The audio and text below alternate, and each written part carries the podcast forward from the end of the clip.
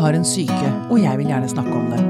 Det gjør jeg her, sammen med huspsykolog Magnus og en gjest. Dette er Pia på syke. Det er jo sånn, Magnus, at vi kan jo ikke velge livet vi blir født inn i. Nei. Vi får liksom grunn, grunn bare ta det vi får. Ta det du får, ja. Ta det du får, og gjøre det beste ut av det. Men så er det jo også sånn, tenker jeg, at det er, dette er jo ikke jevnt fordelt. Noen får jo litt mer enn andre. Ja, ufortjent mye. Ufortjent mye. Ja. Og Um, noen mister foreldrene sine tidlig.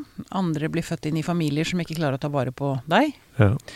Um, det kan være mange veier inn i det at du må ha en fosterfamilie. Og bli et fosterbarn. Um, og jeg tenker, jeg sitter og forberedt dette, jeg tenkte det må være, for meg så er det, det er veldig vanskelig å forestille seg hvordan det må være. ja. Å plutselig bli tatt ut av familien. Jeg tenkte det samme da jeg tenkte på dagens episode. Ikke sant? Ja. Eh, men vi skal, jeg håper at vi skal komme litt, litt under huden på det å være både fosterbarn og fosterforeldre, og foreldre som mister barnet sitt, holdt jeg på å si, eller som blir Som ikke klarer å ta vare på barnet sitt. Vi eh, har fått besøk av Grete Findal. Velkommen hit. Takk. Er det Findal eller Findal? Eh, det skrives Findal, og så sier vi Findal. Findal, ja. ja. Du er prosjektleder for noe som heter Støttepilar. Mm. Formell tittel eh, fagleder fosterhjemsprosjekt Øvre Romerike og Lunder kommune. Ja. Er det riktig? ja, og så slenger vi på en prosjektleder oppå der, så er vi helt i mål. Så er vi helt i mål. Ja. Ja. Det er bra.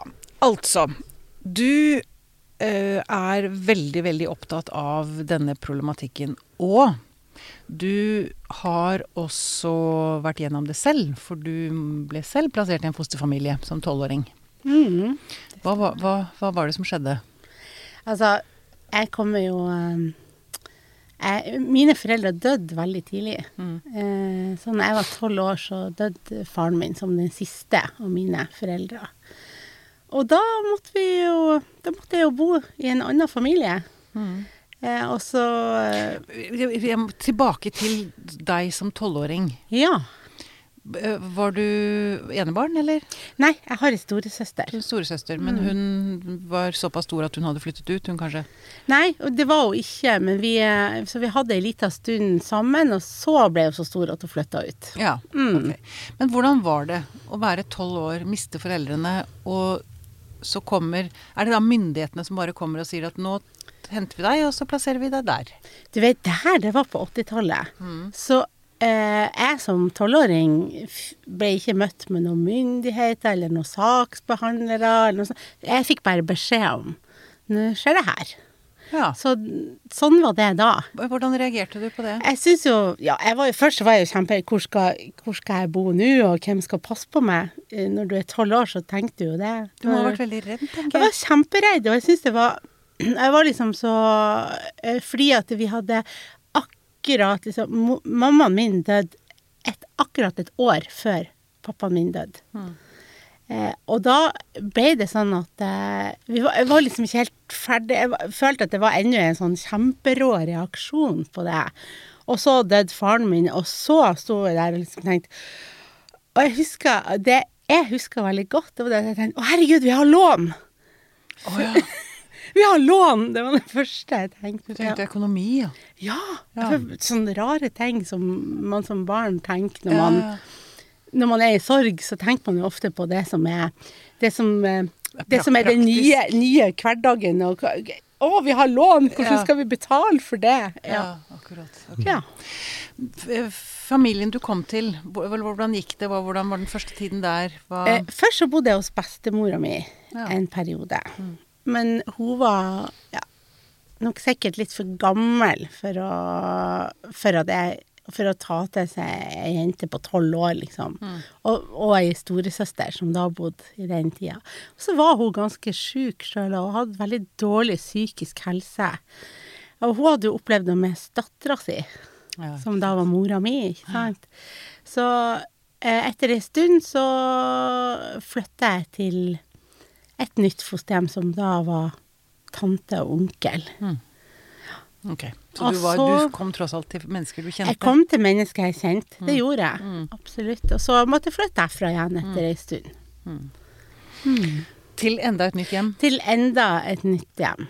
Tante og onkel. Ny tante og onkel. Ei ny tante og onkel. Ja, ok.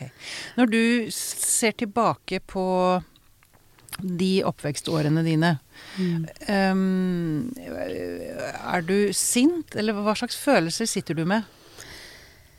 Uh, nei, sint er jeg ikke. Nei. Det er jeg ikke. Men jeg Bitter, har nok altså? kjent på, og, og ei heller bitter. Mm. Kunne fort ha blitt det. Mm. Uh, men har bestemt meg for at det skal ikke være. Mm. Uh, fordi at jeg hadde veldig lyst på et liv sjøl òg som ikke var å være bitter og sint. Men jeg, men jeg kan nok føle meg litt sveket. Ja. Jeg, jeg, jeg, eller jo, det har jeg kjent på veldig mange ganger. At jeg har følt meg litt sveket av mange. Mamma og pappa til og med, som døde. Mm. Ja, ja, ja, absolutt. Men også de som som, eh, som kanskje ikke eh, Ja, som jeg også flytta til, da. Som, som jeg kanskje syns var eh, Ja, det var vanskelig. Ja. De klarte ikke å møte deg ordentlig på Nei. Nei. De, det, det å finne den plassen i familien Jeg, jeg strevde som med det. Jeg klarte aldri å finne plassen i de familiene jeg Nei. bodde i. Nei. Du sa da vi snakket på telefonen, så sa du er det én ting jeg kan mye om, så er det hjemlengsel. Jeg skal ha det på CV-en min, har jeg funnet ut. Jeg tror jeg har noen høye, høye studiepoeng i hjemlengsel. Hjemlengsel. Ja, gud, hva hjemlengsel jeg har hatt. Mm. Og hvis du aner. Masse hjemlengsel. Og når du sier hjemlengsel, hva er det du eh, lengtes du etter foreldrene dine, eller rutinene, eller rommet ditt, eller Ja, ja, ja eller jeg har vel kanskje mest lengta til det som skulle ha vært. Ja. Den, den litt sånn ideen om det som eh, skulle ha vært der. ja. Så mer lengta til det enn tilbake til noe, Ja, på en måte. Mm. Men det, for det, det tenker jeg kanskje ikke er helt uvanlig, Magnus. At man kan Det kan jo jeg også kjenne på, som mistet en bror. Altså at jeg kan, jeg kan lengte etter den roen som burde ha hersket i vårt hjem, liksom. Mm. Mm. Det er vel ikke en ukjent, det vil jeg tro, et ukjent fenomen det der, Nei, tenker jeg. det og absolutt ikke. Så det er jo noen forventninger om eh, Det er jo noen forventninger om det gode og trygge liv og, Mm. og tilhørighet som selvfølgelig Som blir et uh, savn. Det blir kanskje uh, Altså på et nivå så er det umulig å møte det, tenker jeg, når Ja. jeg hører på, på Grete. historien her. Altså det at du uh, savner tilhørighet. Jeg vet ikke hva du tenkte om det selv, altså om du Eller når du ser tilbake på det når du sitter her, da.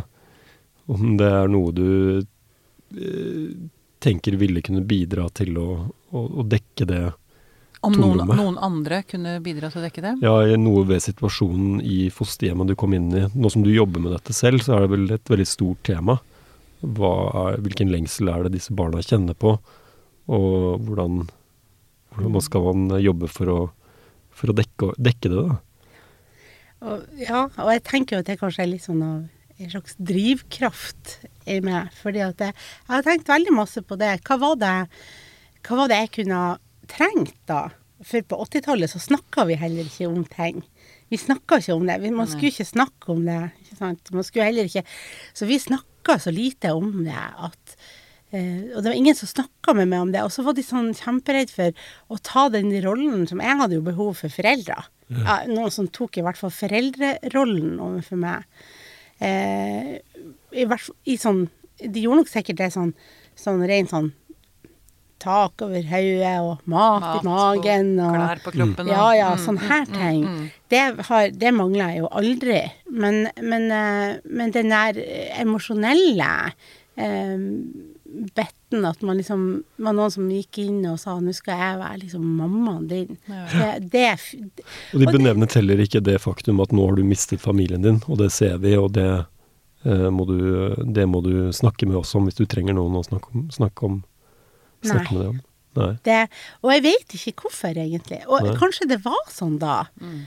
For dette er jo ikke onde mennesker. Mm. Dette er jo overhodet ikke onde mennesker. Dette er jo folk som garantert har gjort det, det beste de kunne uten å få noe veiledning. Mm. Uten å få noe, noe, noe hjelp til å, å, å, å vite hva jeg trengte. Mm. Og så var det jo ikke vanlig at man spurte unger hva de Hva trenger du? Nei. Nei. Det, jo, det er jo noe som det er nesten ikke vanlig nå heller, syns jeg. Syns det er litt for dårlig allerede nå at man er Ja. Men dette har vel hatt eh, mye å si for deg da du skulle velge jobb? Eller? Ja, for at jeg skulle aldri jobbe med verken barnevern eller fosterhjem eller noe. Og du skulle ikke det, nei? Aldri! Så jeg føler egentlig ikke at jeg har fått valgt det her. Nei. Jeg føler at det har valgt meg på mange måter. Ja, for du dumpa borti det sånn Ja, jeg gjorde jo det. Ja, jeg gjorde det. Jeg var litt, litt voksen, eller var sånn i slutten av 20-åra da jeg fant ut at nå skal jeg gjøre noe annet enn å jobbe på kjøkken og gjøre sånne ting. Eh, og da eh, hadde jeg lyst til å bli sosionom. Eh, så for meg at det var en spennende jobb, og da var det mange ting å velge i. Eh, og så Da kjente jeg det plutselig at nei, det her er interessant. Det her er Ja. Og så måtte jeg kanskje bli litt sånn ferdig med mitt, tenker jeg. Følte at jeg var nødt til å bli litt sånn ferdig med mitt og etablere meg og finne meg noe trygghet og være litt sånn trygg i meg sjøl og, og få den her, det der hjemmet mitt som jeg er så glad i, da. Som har vært så viktig for meg å ha mitt eget hjem og ja. Så jeg blir jo aldri å flytte derfra, tror jeg.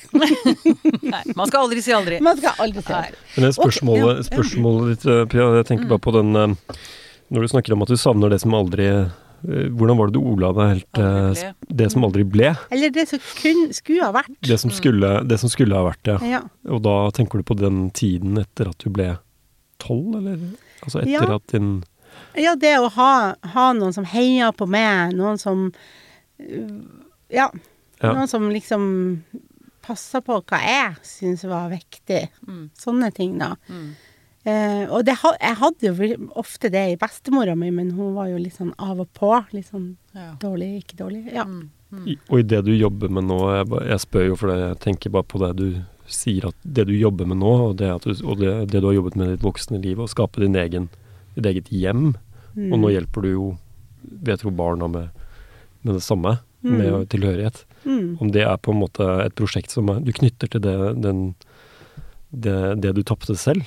Altså om du øh, om, det, om du er drevet av det, om det er noe du tenker på, eller Det er et veldig godt spørsmål. For at jeg har vært litt sånn her Nei, jeg skal ikke snakke om dette til noen av de jeg jobber med, før de siste par årene. Å ja.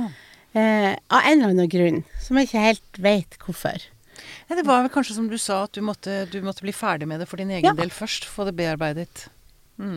Mm, Ja, kanskje det. Mm. Og så tenker jeg at eh, mens når jeg liksom Jeg har jobba i mange år i barnevernet med, som kontaktperson med omsorg, med, med fosterfamilier, men da blir det en litt sånn Da har du en litt annen rolle, da. Og så har jeg liksom sett så masse dette skulle jo vært på plass, og hvorfor får de ikke det her? Eh, ja, og hvorfor er det ikke Hvorfor får de ikke det de, det de trenger, og det er så lite som skal til? Ja, ja. mm. Eh, og så fikk jeg jo denne muligheten til dette Mm. Ja, og da er vi inne ved kjernen, eller pilaren, ved denne samtalen. Åh, Bløt vits. Støttepilar, Ja, fortell meg om det prosjektet. ja, de ungene som vi tar ansvaret for, de må jo ha det beste.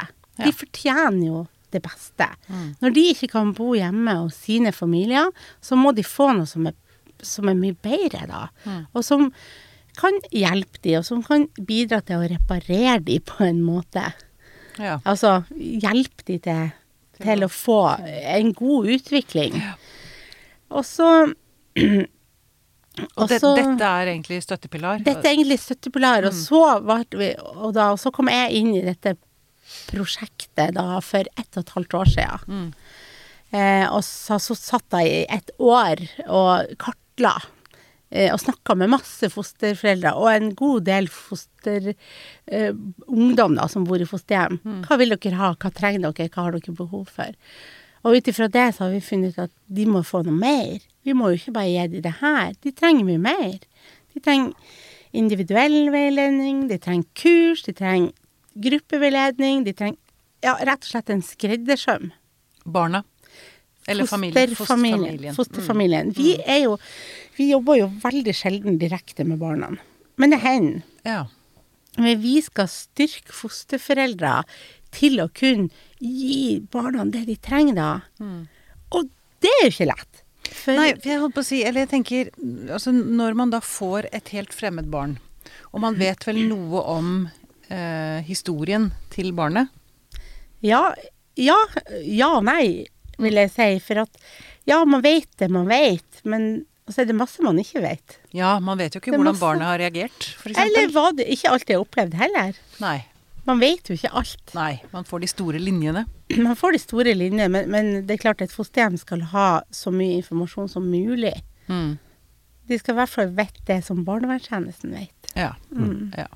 Men det, jeg bare tenker, jeg bare prøver å liksom forestille meg den første dagen Mm. når barnet flytter inn, og det barnet er da i alder alt fra Alder alt fra fire, to timer, fire timer til ja, er såpass, ja. 15-16. ja. Mm. Det må være litt av en overgang. Det er en kjempeovergang. Mange av barna har jo bodd i en mellomplassering. Mm. Mange av barna som må akutt ut av familien, da har man ikke et akutt fosterhjem. Da har man noe som heter beredskapshjem. Mm. Og det, der skal barn bo så kort tid som mulig. Ja. Skulle gjerne likt å se hvor mange Om det var noe tall på hvor lenge de bor i det i Norge, for det er ganske lenge. Det er veldig lite fosterhjem i Norge, og veldig mange som trenger det. Ah, og, ja, akkurat. Og hva tenker du, hvor- lenge er de i, i beredskapshjem? Tre måneder til et par år. Et par år, ja. Mm. Det er sånn, da, du vet, da vet barna at det er midlertidig. De vet, Ja, ja. At, de vet ikke hvor lenge det blir, og de vet ikke det, alt, alt er usikkert, da. Alt er usikkert. Mm. Eh, og, eh, og ikke minst så vet jo fosterforeldrene òg at det er midlertidig. Mm. Og nå skal alle fosterhjemsplasseringer også være midlertidig. Altså det er en midlertidighet i alt det her. Fosterforeldre skal også være midlertidige. Ja, det er, skal jo være det. Mm. Målet er jo at man skal f- få At man skal ha en slags gjenforening. Mm. Og så er det jo ikke alltid det går. Nei. Nei. Men målet er det. Mm. Jeg vet ikke, Magnus, om du gjør deg noen tanker av det Grete sier her. Altså den midlertidigheten og den usikkerheten. Det, det, det må være krevende for ja, både barn og voksne. Ja, det kan man bare levende se for seg. Jeg tenker på Jeg har mange flere spørsmål enn svar, hvis jeg lurer på. Men eh, jeg lurer jo på eh, Det jeg sitter og lurer på, er jo også litt sånn om eh, At det må jo være Det er jo selvfølgelig uendelig komplekst, dette her, men disse barna kommer vel med helt ulike forventninger, og, og, og med helt ulik motivasjon, eller eh, innstilling til det å skulle bytte hjem. Eh, kan du si noe om det? Om Hvordan det preger hvordan dere møter, hjelper fosterfamiliene? Og Mm. jeg vil jo tro at noen er veldig, veldig øh, forstår veldig godt hvorfor de trenger et nytt hjem. Andre Ja, Det kan jo være selv om man forstår det rasjonelt. Ja, At det fortsatt er rasende, eller altså at det er veldig ulik grad av bearbeiding de selv har gått igjennom før dette skjer, eller Ja, jeg bruker å si at det er jo det er da jobben begynner. Ja. mm. Det er, da, det er da vi begynner. Og det er jo selvfølgelig masse flinke kontaktpersoner ute i barnevernstjenestene som tar liksom den første biten også. Altså, det krever mye av de Man kan vi, når vi går inn og veileder, så er vi liksom kommet Kanskje vi er, kan være helt fra dag én og før de flytter inn, til at her har de bodd i mange år.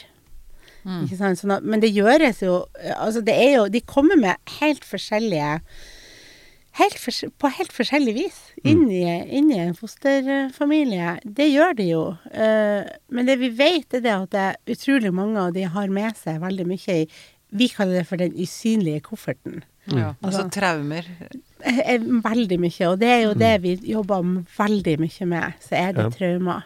Fordi at det, det ligger så utrolig mye der, og det er så vanskelig å forstå. Jeg bruker å si her har du et barn, her har du et kart, her har du et kompass. Dette kartet endrer seg hvert fjerde sekund, og det er 72 nordpoler. Lykke til. Ja. Sånn fungerer Det det. ikke sant. Og, og så skal man liksom prøve å forstå hva som ligger bak. Mm. Sånn at jeg tenker at um, man har jo da Kommunene har jo et ansvar for også å gi en del kompetanse. Man skal ha en del kompetanse på det på hva, hva er trauma, hvordan kan det se ut, hvordan, hvordan kan et barn oppføre seg eh, hvordan kan det se ut i dag, og hvordan kan det se ut om fire år? Mm. Mm. Og hva kan vi gjøre for å hjelpe de? Ja. Og den, der, den prosessen, for det, litt av grunnen til at jeg spør her òg, er jo litt fordi ehm, Du beskrev jo din egen prosess hvor du ble plassert. Ingen, ingen intervjuet deg Mm. uh, grundig om uh, hvordan du forsto situasjonen, uh, og hva, hvilke forventninger du hadde, Mm. og hvilke, hva du hadde med deg i den usynlige kofferten, som du sier. Mm. Um, jeg vil jo tro på en måte bare den Som med så veldig mye annet, da, så har man jo, håper jeg, blitt flinkere på, i, på, i mange forskjellige deler av samfunnet til å forstå barns behov. Blant Mm. barn som er på sykehus nå, blir jo forstått på en annen måte, radikalt annen måte nå enn før.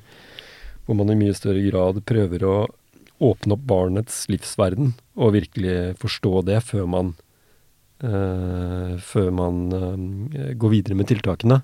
Sånn at barnet føler at det har en påvirkning over egen situasjon. Det, har en, det føler at det blir gitt medbestemmelse og Mm. forståelse av hva som skjer, da. Er det, det må jo være krevende disse, i den situasjonen dere står i, hvor de kanskje er grå, veldig uenige over, jeg tror, i at mm. uh, dette skjer. Uh, ja. ja. Jeg vil jo si at det er, en, det er jo et mye større fokus på barns medvirkning nå enn det har vært. Men um, Og så er det jo aldersbestemt, selvfølgelig. Absolutt. Og så er det jo litt sånn at, um, at um, ja, et barn kan medvirke, men man kan kanskje ikke medvirke til når det er vurdert at du ikke har det bra nok hjemme, da. Så kanskje Men det kan Det også andre barnet være uenig i. Ja, de er, kan, De er de er ofte, ofte. Mm. veldig uenige.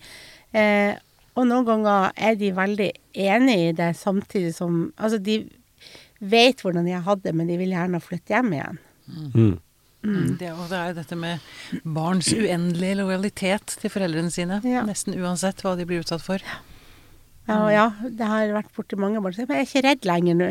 Ja, Det går bra.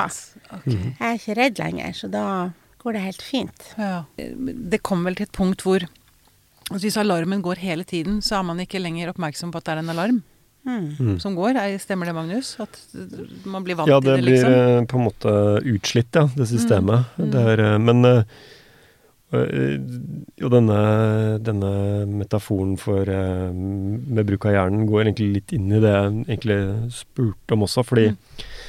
det blir revet ut av hjemmet sitt Altså, det er det samme vi um, noen ganger gjør i psykisk helsevern nå, at man bruker tvang mot pasienter, f.eks. Man, man ser en situasjon som er uholdbar, man trenger å gjøre det man gjør. Og fatte et drastisk tiltak om at nå skal du ut av hjemmet ditt, f.eks. Og, og man setter barnet som har levd i en uholdbar situasjon, i en ny og uoversiktlig situasjon, som selvfølgelig kan bringe med seg veldig mye annet. Og en, en slags sånn prinsipiell tenkning det vil jo ofte være å, å prøve, på tross av at dette er noe kanskje de ikke ønsker, Uh, at de føler at dette er noe som kommer brått og dramatisk, at man prøver å sette det i stand til å forstå all, absolutt mest mulig, og, føle, og føle at det påvirker, om ikke de kan påvirke situasjonen sin selvfølgelig til at de vil tilbake igjen til mor og far, at de kan påvirke små, uh, andre små ting. Ja.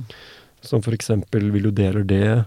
Eh, vil du eh, Ja, altså eh, Dette handler, det handler jo ofte om banale ting, men at du ønsker å sette barnet i stand til å føle at det blir hørt, og at det har en påvirkning over situasjonen, selv om, det, selv om man har gjennomført et veldig radikalt tiltak. Da. Mm.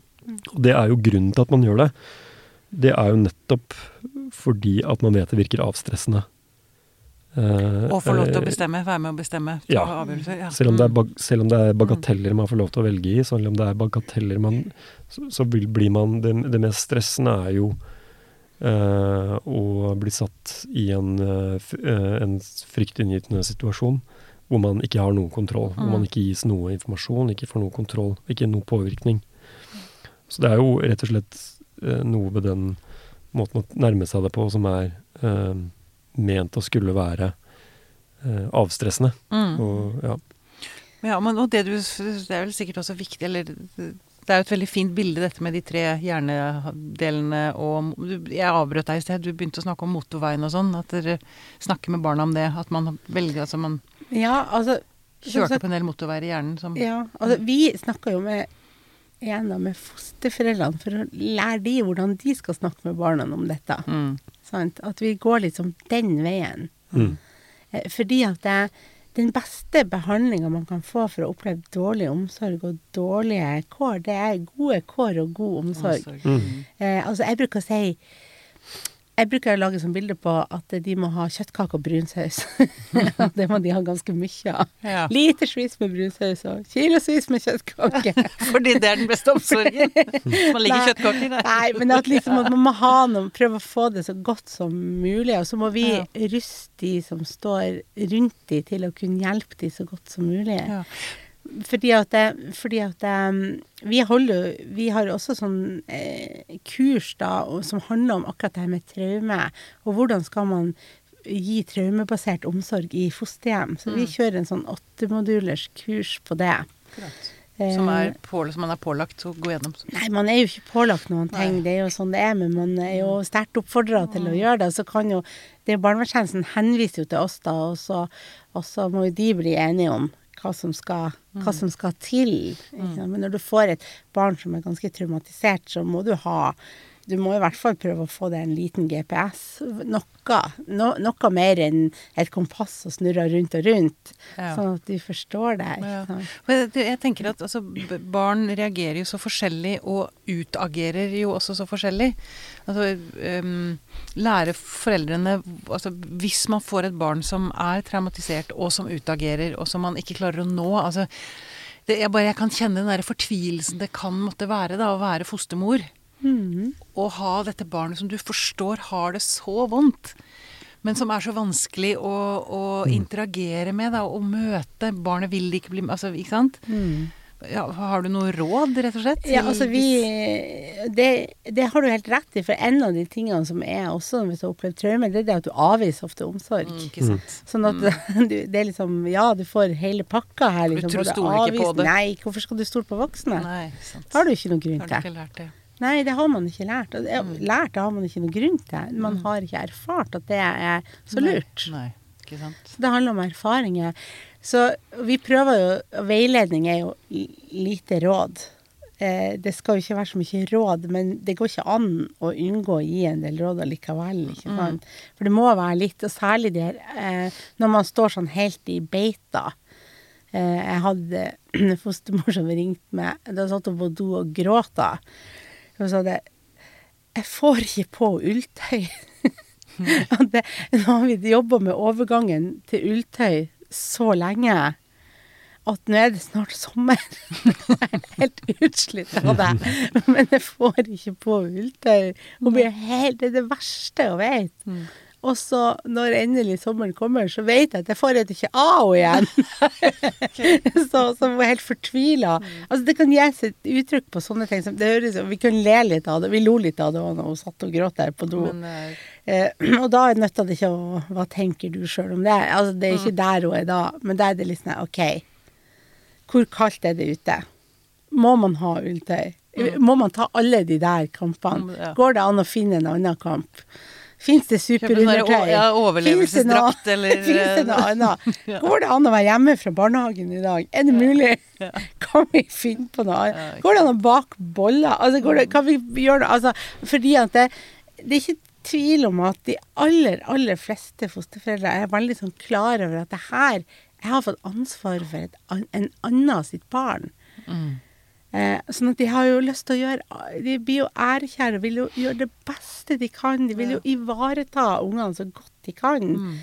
Eh, så skal du gjøre det i, i alt det her med Og så skal du lære masse om hjernen, og så skal du forstå de, og så eh, Det er veldig mange ting, da. Ja. Eh, og så bruker jeg å si at altså, Og så gjorde jeg feil. Jeg bare hurra! Vi skal, feilene er helt OK. For det er ikke noe farlig å gjøre feil. Det er reparasjonen vi må være gode på. ja. Så det å reparere det her Når man blir en Man kan bli en sånn liten Altså, når du har en, en gutt på fem år som står og sier 'de drittkjerring' og dundrer døra igjen, så sier du 'gå på rommet' lenge etter han har gått på rommet. Altså, kom du på rommet? Altså, det er jo ikke det. Ikke så, føler ikke så lur etterpå. Nei. Men du, jeg lurer også på jeg, jeg er litt ute etter noen, noen retningslinjer eller altså gode, gode tips du kan komme med. Da. For, jeg, for jeg lurer også på om man som forelder da når du, Det ansvaret, å overta ansvaret for eh, et annet menneskes barn. Men at barnet også kan begynne å spille det mot deg. Altså at du blir at du blir man, altså, man er så, som du sier, man er så opptatt av å gjøre alt riktig og være omsorgsfull. Og, altså, det kan også bli Altså man kan bli helt utslitt. Det kan bli misbruk, da. Jeg sier, Barn er jo heller ikke onde, men Nei. de kan også benytte den De forstår jo at Ja, ja. de gjør hva som helst for dem. Ja, Og det, absolutt. det er jo også må være en utfordring å kunne sette de grensene, også Ja. for seg selv. Ja, for det, det er litt sånn Det ligger en sånn gammel misforståelse langt tilbake i tid, som ennå er litt, dessverre, litt sånn framme i lemma oss. Og det er det at man kan ikke sette grenser for et traumatisert barn. Mm. Og det kan man. Og det er god omsorg. Gode, omsorgsfulle grenser og rammer. Det trenger jo alle unger å ha. Det er klart de må ha det. Men det er liksom hvordan gi de grensene og de rammene på en måte som et barn som er utsatt for traume, klarer å forstå det. Mm. Det er der vi må jobbe mer med. Eh, sånn at det, ja, grenser, og det må man jo ha. Og så er det selvfølgelig sånn at det Men dette hadde jeg fått lov til hjemme. Og mamma er mye snillere enn du er. Ja, ikke Mm, for når jeg er hos henne For det er ofte Det er jo sommer og sånn, så får jeg lov til Å spise Ah, godteri på ja, onsdag. ja. Mm. Og det tenker jeg Det skjønner jeg godt at mamma som ser de så sjelden, lar få lov til. Mm. Eller det de barna får lov til. Skulle bare mangle. Men si meg, er det, er det en sånn um, eh, fast Altså hvor ofte får foreldrene lov til å se barnet sitt? Svaret på det er ja. Ja. Alt fra aldri Ja. til øh, ofte. ja. Annenhver helg, ei helg i måneden, to timer fire ganger i året. Det, det, Og, og det finner dere ut av i samarbeid det er det med ikke vi som finner ut av. Nei, okay. Det er det barnevernstjenesten Ja. som ordner med. Det, det er ikke det vi driver med. Nei. Ok. em, eh, jeg har bare lyst til å snakke litt om disse foreldrene også, som du har kanskje ikke noe særlig kontakt med dem. Foreldrene som må gi slipp på barnet sitt. Nei, de har jo ikke vi noe særlig Nei, kontakt med. Men uh, det, det har vi jo ikke. Nei. Men vi hører likevel veldig mye om de, ikke sant? Fordi Ja. at de har jo en stor rolle allikevel i et barns liv. Mhm. Sånn at eh, vi hører mye om de, og de er med oss ofte i Altså, de er jo en del av det som blir tatt opp i veiledning ofte. Mm. Mm. Men for jeg lurer på om, om de bare opplever, føler raseri, eller om de også kan føle på takknemlighet. At de forstår at dette er det beste for barnet. Jeg tror det svaret på det også er ja, liksom. Mm. Både og og alt. Det er jo all slags folk. Mm. Det er i alle slags samfunnslag. Det, du kan ikke se noen på et bilde, eller sette noen i et, eh, i en, i et samfunnslag, eller i en og, og se at disse er dårlige foreldre. Mm. Det, sånn er det jo ikke. Nei. Det er ikke sånn det er. det er jo noe med at vi arver jo, altså vi lærer jo av våre egne foreldre. Altså det, ja, Ja. Det, Vi gjør det. går i arv, dette Mm. greiene. Men for oss når vi er inne og veileder, for vi veileder også i litt de her nettverksplasseringene. Så hvis et barn er plassert hos i slekta, hos tante, onkel eller mormor, morfar eller Så eh, veileder vi jo også de. sant? Vi har jo og, og eh, Så da er jo ofte eh, liksom Der er ofte foreldrene med, men ikke fysisk med. Men, men for de har en ganske stor rolle i den familien, ikke sant. Ja. Sånn at det, det Så da er det jo Og jeg tenker at det, de, det er jo ingen, finnes jo ikke noen mennesker som ikke elsker barna sine. Altså, det må vi aldri tro at, at foreldre som mister omsorgen for barna sine, ikke elsker ungene sine. Det, det har jeg aldri vært borti. Det, det, det handler jo ikke om det. Nei, Ikke sant. Det er um, ifølge statistikken 2020 over 9200 barn under offentlig omsorg i Norge. Mm. Mm. Det er ganske mange. Mange. Mm. B- er Norge gode på dette? Nå skjønner jeg at altså, Støttepilar, ditt prosjekt, er jo, høres ut som om det, det virkelig tar dette på alvor. Men er, er, er, ligger Norge godt an, sånn eh, sammenlignet med andre land i verden? Det, kommer litt an på hvem du spør, tenker jeg. Mm. Fordi at jeg tror vi har litt å gå på. Vi kan alltid bli bedre. Det tenker i hvert fall jeg. Og så har vi jo Det har jo vært en del uh, saker oppe i Strasbourg i, uh, i Europadomstolen. eh, Hva som har de sakene gått på? Det har jo gått på, på Det har vært noen med et sånn tvangsadopsjon, og så har det vært saker hvor, hvor det har gått på omsorgsovertakelse. Hvor det har vært Og ut ifra de en del saker der, og så har det vært en del saker eh, oppe i sånn storkammer i Norge, så har det jo kommet en liten sånn Hva går kritikken, eller hva, hva er det? Kritikken går jo på det her med, med retten til familieliv. Ok. Eh, Ja, det jeg ser du Ja, jeg- jeg liksom, forstår ikke helt hva For det ligger ikke helt i, i våre For det, altså, sant, det, det er jo et begrep som ikke har ligget så veldig i vår kultur, ikke sant? Eller, eller i vårt land, da. Den li- ligger mer i Italia og, og Frankrike og det er retten til familieliv. Men, men, Men det havner det i domstolen fordi barnet ikke er blitt tatt ut av uh, Nei, det, har, det er fordi barnet er tatt, Er blitt tatt ut, ja. Og så han- er det foreldrene som, som, som som anker det inn dit og får opp saker dit. Og, og jeg syns jo det er veldig fint at vi har en sånn domstol som kan ja, si noe om Gjør vi det riktig? Gjør vi det? Er vi inne på det det skal være inne på? Ikke sant? Og det med retten til familieliv, det går jo på foreldrene sin rett til familieliv, ikke sant. Ja. Sånn at det, foreldrene har jo eh, har en større rett på familieliv, og, og barna har jo òg rett på familieliv. Du har jo rett på å vite hvor kommer det fra, og hvem er disse foreldrene, og, eh, og så er det jo sånn eh, hva betyr egentlig det? Hvor, hvor, hvordan kan man ivareta det? Mm. det som i hvert fall jeg tror har skjedd i Norge, som jeg ser og begynner mer og mer vanlig, og som jeg også har lest, det er at det, det er mer samvær. Det blir gitt det, det er mer samvær. Det, det, det, har økt, da. Sånn at det Så Samværet med foreldre. ja, det er oftere samvær med foreldre, og det er mer. Ja. Uh, og det er vel det Norge har blitt litt sånn kritisert for, at det ikke har vært nok sånn individuelle vurderinger.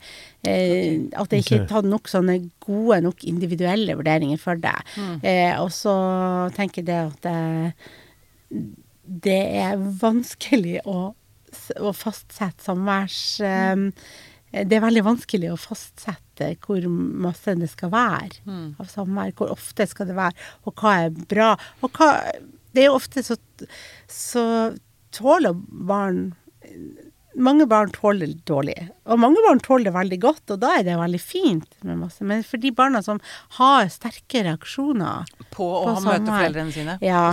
Mm. og da eh, kan det være vanskelig igjen da tilbake til fosterhjemmene, ikke sant? Da kan det være ganske vanskelig. For når man skal Ja, for den st største triggeren er, er det, ikke sant? Det Foreldrekontakten. foreldrekontakten. Ikke for alle. Det er, det er viktig for meg å nyansere det litt. Ja, ja. Men for, for, for noen. Og da er det sånn at det, de skal jo da møte den personen som har utsatt dem for overgrep. Både seksuelle overgrep og, og vold. De skal møte kanskje den voksne som ikke har passa på dem når de sjøl har blitt utsatt for vold. De skal møte liksom de som har utsatt hverandre for vold. Eh, sant? Når de har vært vitne til vold. Eh, de skal møte de som har eh, eh, Altså, omsorg Eller traume er jo mer enn det å være påført vold.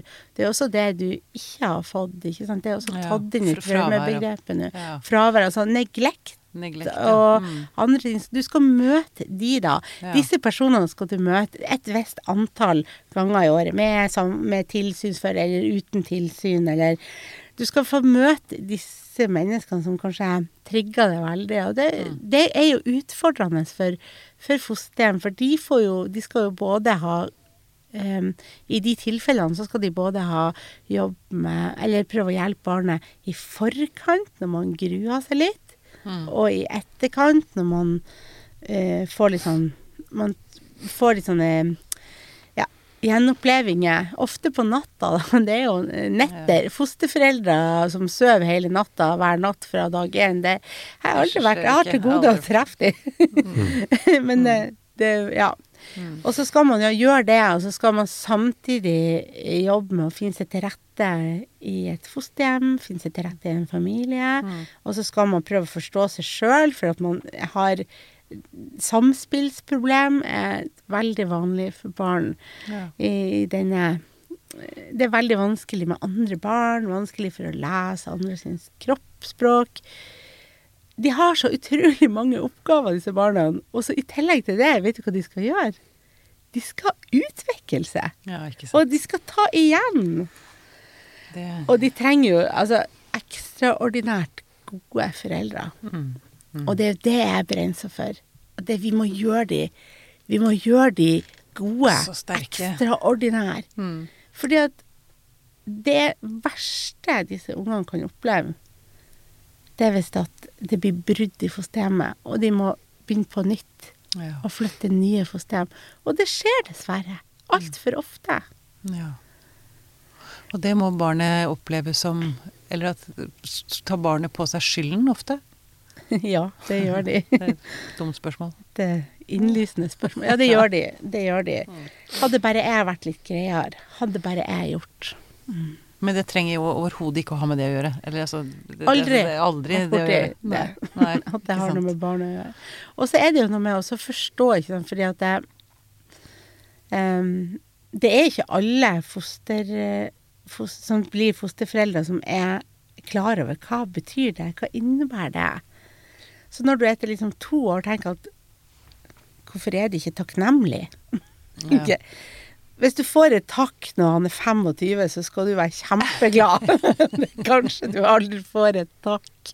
Altså, det å finne belønninga si i andre ting, da. Mm. Det er ikke barnet sitt ansvar å takke det, faktisk. Men det er veldig hyggelig når det skjer. Ja. Det er kjempekoselig når det skjer, og det, jo, det håper vi jo veldig uh, at det skal skje. Mm. Men Og så tenker jeg at jeg, jeg, alt, jeg er veldig opptatt av det her med tap, da. Hva er det man taper? Hva er det et barn Hva er det Jeg bruker å gjøre en sånn øvelse, jeg gjør det også med barnevernshendelser, for vi reiser også rundt og har liksom fagdager for barnevernshendelser for å få de litt mer sånn spissa inn på det her viktige, viktige her, da. At vi skal liksom være inne i og At vi skal være liksom helt på ballen når det gjelder her. For dette er jo de viktigste ungene i hele verden, spør du meg. Og så bruker vi å ha en sånn øvelse med tap, da, hvor man skriver opp noen ting som betyr noe for seg sjøl. Og så går jeg bare og tar fra de det. Ja. Og så sitter du igjen med én ting, fem, så sitter jeg med og det er katter. Kanskje ikke det var det viktigste du hadde i verden. Gitt fra deg ungene og mannen din og huset ditt, og, og så står du hjemme. ja, du slang du på ei katt der. Det er jo ikke så hyggelig, da. Men det opplever jo fosterbarn når de flytter inn i fosterhjem. Men uh, visste du at det opplever også fosterforeldre? At De har også tap. Fosterforeldrene Ja, Hvordan da? ja de taper venner. Gjør de det? Ja, fordi, fordi de tar det- til seg fosterbarn? Fordi at det er kjempevanskelig, og, og du, har, du har nok å gjøre. Det er kjempevanskelig å opprettholde vennskapene. Det er kjempevanskelig å Du har kanskje vært litt eh, flink å gå ut og drikke kaffe, eller dra på besøk, eller kunne dra på hyttetur i lag og sånn Det Kan du kanskje ikke gjøre igjen. Nei. Eller på veldig lenge. Mm. Og så har du plutselig med deg en unge som må sitte under gulvet og spise, eller under bordet, bordet. mener jeg, og spise og grise, eller få lov til å Du tar ikke den kampen, liksom. Eh, du taper venner. Mange taper familie. Mm. Eh, mange som sier ja til å ta til seg La oss si du sier ja til å ta til den nevøen din, da. Mm. La oss si at du gjorde det, Pia. Du sa det. Og så betyr det at det, da er det ingen av dine barn eller noen som noen gang får noe mer julaften hos mormor. Fordi jeg da har sviktet Fordi at det er eh, mormor vel mamma. ja. Ikke sant? Akkurat hvis jeg hadde hatt en søster eller barn la oss si det. Ja, Mm, det var et eksempel, da. Men mm. altså, fordi at det kanskje mormor da ser at åh, dattera mi er så ute og kjører, har det så veldig, veldig vanskelig. Og så kommer søstera og tar fra henne barnet, og så kommer barnevernstjenesten og tar fra barnet, og så eh, den andre dattera som er så på plass og har jo alt hun trenger, og henne hun har jo masse egne barn, og dette går helt fint, og hun tar til seg det barnet. Da må jeg ta med òg. Ja, da, da skal jeg være mer mamma enn en mormor, da. Ja. Og så velger du bort det. Økonomi velger litt bort. Det er ikke Det er ikke Du får ikke sånn det, det er ikke sånn kjempegodt betalt å være fosterforeldre. Og så tar man bort litt sånn karriere. For du blir veldig ofte tatt ut av arbeidslivet over ganske lang tid. Flere år kan det være. Akkurat. Mm, så du, det er mange tap her. Og, og det må vi være litt sånn klar over når vi eh, skal liksom Du skal ha supergode fosterforeldre som skal Det er jo litt sånn umenneskelig stor Ja, det høres ut som en sånn Supermann-oppgave, Ja. dette egentlig. Men jeg har bare lyst til å høre hva Magnus eh, Om han sitter brenner inne med flere spørsmål eller tanker om det vi Nei, eh, tenk på det der med Når du begynte å komme til dette her med jussen, de som bestemmer hvem som skal ha samvær og når, og når det kompliseres og sånn. Eh, det må jo være ganske sånn vanskelig da når man skal tenke på Altså én ting er det at man jobber i faget med å tenke på å ivareta barnets beste, og forstå øh, barnets behov, men så kommer alle denne Men så høres det ut som det kommer inn en del juss også. Mm. Eh, er det Hvilke tanker har du om det? Altså, hvilken rolle den spiller? Må man være ganske god på det selv, f.eks.? Blir man trukket inn i, eh, i mange saker hvor man uh, må gi vurderinger av uh, Som har noe, har noe å si for hvordan eh, Hvilken um, kontakt barna skal ha med sine foreldre osv.? Tenkte du på fosterforeldrene da? Ja, altså hvis det er slik at du, du beskrev i sted det at nei, de skal ha samvær med sine vanlige foreldre, og så blir de Mm. dårlige, og at det blir vanskeligere når de kommer tilbake igjen Mm. til fosterforeldrene. Det høres jo da ut som noe som er, i, utgangspunktet er problematisk, da. Mm. I noen situasjoner da vil jeg tro at det oppstår litt konflikt mellom er dette bra? Skjønner, Vi Mm. skjønner at nå er det bestemt at Mm. det sier jussen, men er dette bra? Mm. Er det Ja. noe som forstyrrer ofte? Ja, det vil det jo være, fordi at det, det kan være fosterforeldre men som ser at det, her det er jo så vanskelig for, det, for barnet. Det er så vanskelig, eh, og det gir så dårlig, dårlige kår for å, å få, til, få til utvikling. Mm. Sånn at det, eh, så fosterforeldre må jo ofte vitne i rett og nemnd og sånne ting. Det, det må de ofte gjøre. Nå skal ikke de gjøre noen vurderinger, de skal nå bare legge fram den faktaen de har. ikke sant? For det er veldig mange et fosterhjem skal samarbeide med, så det er jo ofte er det jo BUPA inne og litt forskjellige fagfolk inne som skal gi sine vurderinger. Mm. Men de skal jo også legge fram en sånn fakta i det. Mm. Men det er jo også Jeg har bare lyst til å Altså både de som kanskje sitter og hører på som er fosterforeldre, eller om det sitter folk der ute som har lyst, vurderer, altså har lyst til å bli fosterforeldre. Fosterfamilie. Mm. Nå ble du så svartmal, eller ble så Supermann. Altså, det, for det er jo også, det må jo også være en enorm glede å kunne bidra med trygghet og omsorg og rammer og et hjem og det Jeg regner med at du også har ganske mange historier rundt barn som blomstrer Mm. når, de, når de får landet Mm. og får den tryggheten de har trengt egentlig hele livet. Mm. Ja, og det åh, ja, jeg har så mange historier at jeg aner det ikke. Og det, det som er så gøy, det er at det er så mange fantastiske fosterforeldre der ute. Og de, Mm. til sjuende og sist så er det veldig få som angrer. Ja. Altså, det er en kjempestor jobb. Eh, og så kommer man inn, og så liker jeg å tro at vi kommer inn og kan bidra litt grann til at det blir litt enklere. Det Mm. blir litt lettere å, å håndtere det. Mm. Og så er det mange Og så er det jo de små seirene. Vi, vi feirer jo Jeg sier man feirer alt. Ja. Det er viktig å feire alt. Få høre om noen små seire. Noen små seire, ja. Det kan være for eksempel um, eh, ja, jeg skal prøve å anonymisere det litt. Grann. Mm. Det er ei lita jente som har flytta inn til noen og vært veldig opptatt av at For de har to barn fra før. Eh, det er fire i familien, nå er det fem. Mm. Jeg er nummer fem. Mm. Eh, og så vært veldig opptatt av at hvordan skal dere se at jeg er nummer fem? Hvordan de skal se ja, det. hvordan skal det vises? Hei, det er fire lys på bordet, hvor er det femte lyset? Ja. Det skal være fem, vi er fem nå. ja. Eh, og hvor står det blir kjipt under advent. Ja, kjempe. Det er Visste du ikke at det var fem søndager i advent, kanskje? For det har de nemlig. Akkurat. Ja, det må man ha.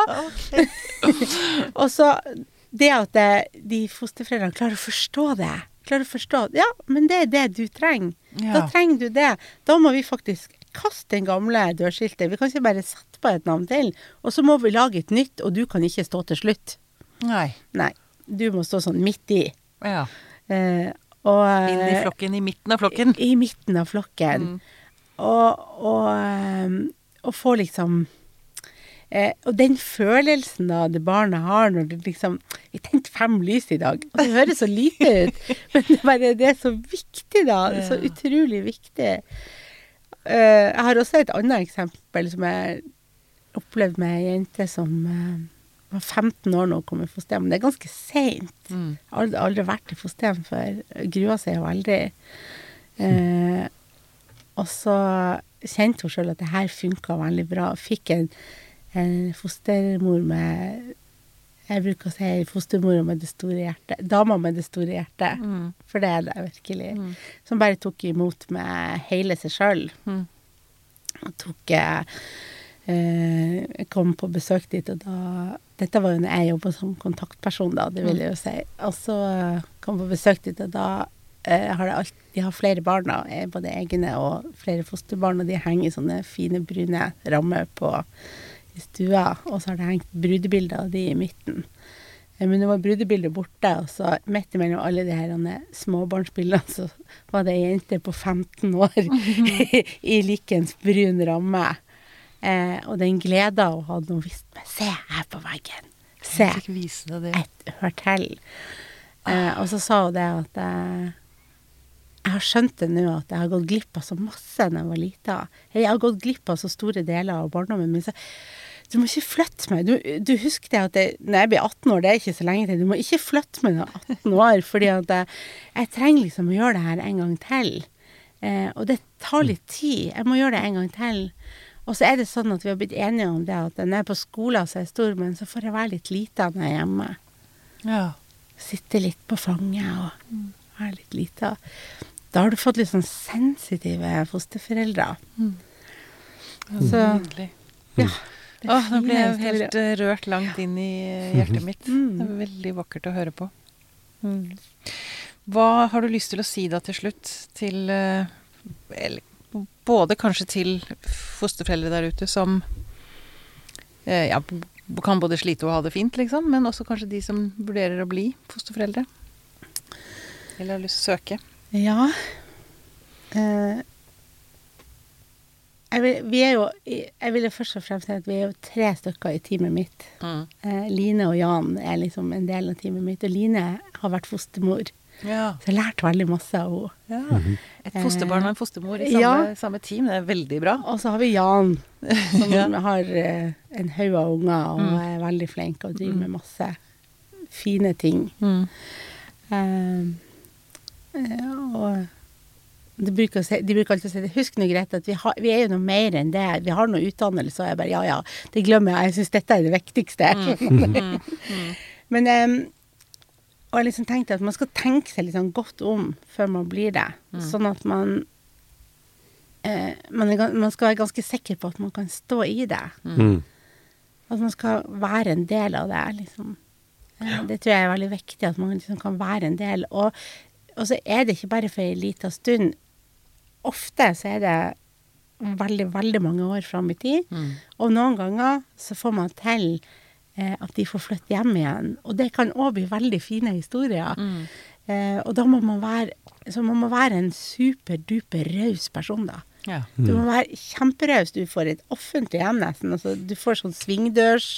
Du må liksom koke kaffe til hvem som helst. Det kommer mye folk til det. Og du må liksom tåle det.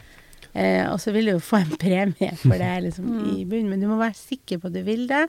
Og så når man er i et, i et parforhold, da, så må begge ville det. Mm. Det kan ikke bare være én sitt prosjekt. Mm. Begge må ha dette som et ønske, da. Mm. Og så vil jeg jo si det at jeg, si ja til alt du kan få av veiledning og hjelp og støtte og alt fordi at det, det, det kommer liksom en alien inn i huset ditt, og det rykker ved hele familien din. Mm. Sånn at eh, Og det tror jeg er veldig viktig at man husker på at det, det kan gå utover dine egne barn. Mm. Det kan gå utover det, for de skal dele mammaen og pappaen sin. Mm. Så vi veileder ikke en familie opp mot bare et fosterbarn. Vi, vi veileder jo en fosterfamilie opp mot hele familien. Mm. Alle som bor hjemme. Og noen ganger har vi med oss farmor og tante Ruth og onkel Ronny òg. Mm. Vi må alle, alle liksom Hele mannskapet må være om bord. Mm. Mm. Og når det er sagt, så er det men det, det er, Jeg har bare lyst til å også understreke det, siden du også sier at det er underskudd på fosterfamilier. Mm. Så er det bare Mm. viktig å si at det er en fantastisk glede også i andre enden. Mm. Altså, når man først har tatt disse vurderingene. Mm. Magnus? Jeg bare lurer på om eh, Jeg hører på deg at eh, For det virker som om du er veldig eh, opptatt av å realitetsorientere de som eventuelt skulle vurdere å bli fosterforeldre. Er det også noe du i eh, Når disse, disse familiene vurderes, og de eh, rundene de har da med, med barnevernet, vil jeg tro, på forhånd, Mm. er dette en prosess de går igjennom på en sånn måte at du føler at de vet hva de går til, når de, når de sier ja? For det, du sa i sted også dette med at mange Det blir mange brudd. Altså det er en del barn som må bytte hjem. Mm. Det, altså, jeg tror jo at de aller fleste De aller fleste barnevernstjenester er gode på det. Eh, jeg har i hvert fall erfaring med at de er gode på det. Og så er det noe med at du tror det liksom ikke. Man tror, de tror liksom ikke, nesten ikke på det. Sånn at det, det blir et lite sjokk, og det blir en liten Og du tror Altså, ikke på Nei, de tror beskrivelsene på av hvordan Ja, beskrivelsen av, av hvordan det her kan bli, og hvordan disse utfordringene vil komme. Man liksom tror ikke helt på det. Også, noen de får sånn det vi kaller for hvetebrødsdager. Så det går noen måneder hvor det er Mm. veldig hyggelig. Så, Og så og, Men det har jo noe med hvor trygt barnet føler seg, ikke sant. mm. Så trygge barn, de stoler på at voksne tåler Ville litt. du tenkt at det er en alarmbjelle, da? Eller hvis de ikke tror på deg i et sånt Nei, nei, innledende det er helt vanlig. eller? Det er ikke noe alarmbjelle. Nei, nei, det er helt vanlig. Jeg ville ikke ha trodd det sjøl heller. Nei. så det er jo Nei, og så vil jeg jo si det at det er jo utrolig givende å være fosterforeldre. Og de fosterforeldrene som kommer til oss på kurs og er med oss hos oss på veiledning, Mm. de, det er jo veldig det må jeg si, det er veldig fine folk som gjør det beste de kan for barna. Og vi har jo også fosterforeldre som vi veileder, som har sagt opp og sagt at det vi, dette barnet vi kan ikke gi barnet lenger. Det er det, barn, det her barnet trenger, men vi kan være her til man finner noen andre som kan gi det. Mm. Så da kan vi veilede i det òg, i håp om at vi kan gjøre det så godt som mulig fram til man får tak i noen enda mer superfantastiske Mm. folk. Veldig bra. Hvis man vurderer altså å bli fosterfamilie, så ta noen ordentlige runder. Mm. Det er det viktigste rådet. Mm. Og det er veldig givende. Jeg var igjen for å bare poengtere det. Mm. Nydelig. Grete Findal, tusen takk for at du kom til oss. Hyggelig.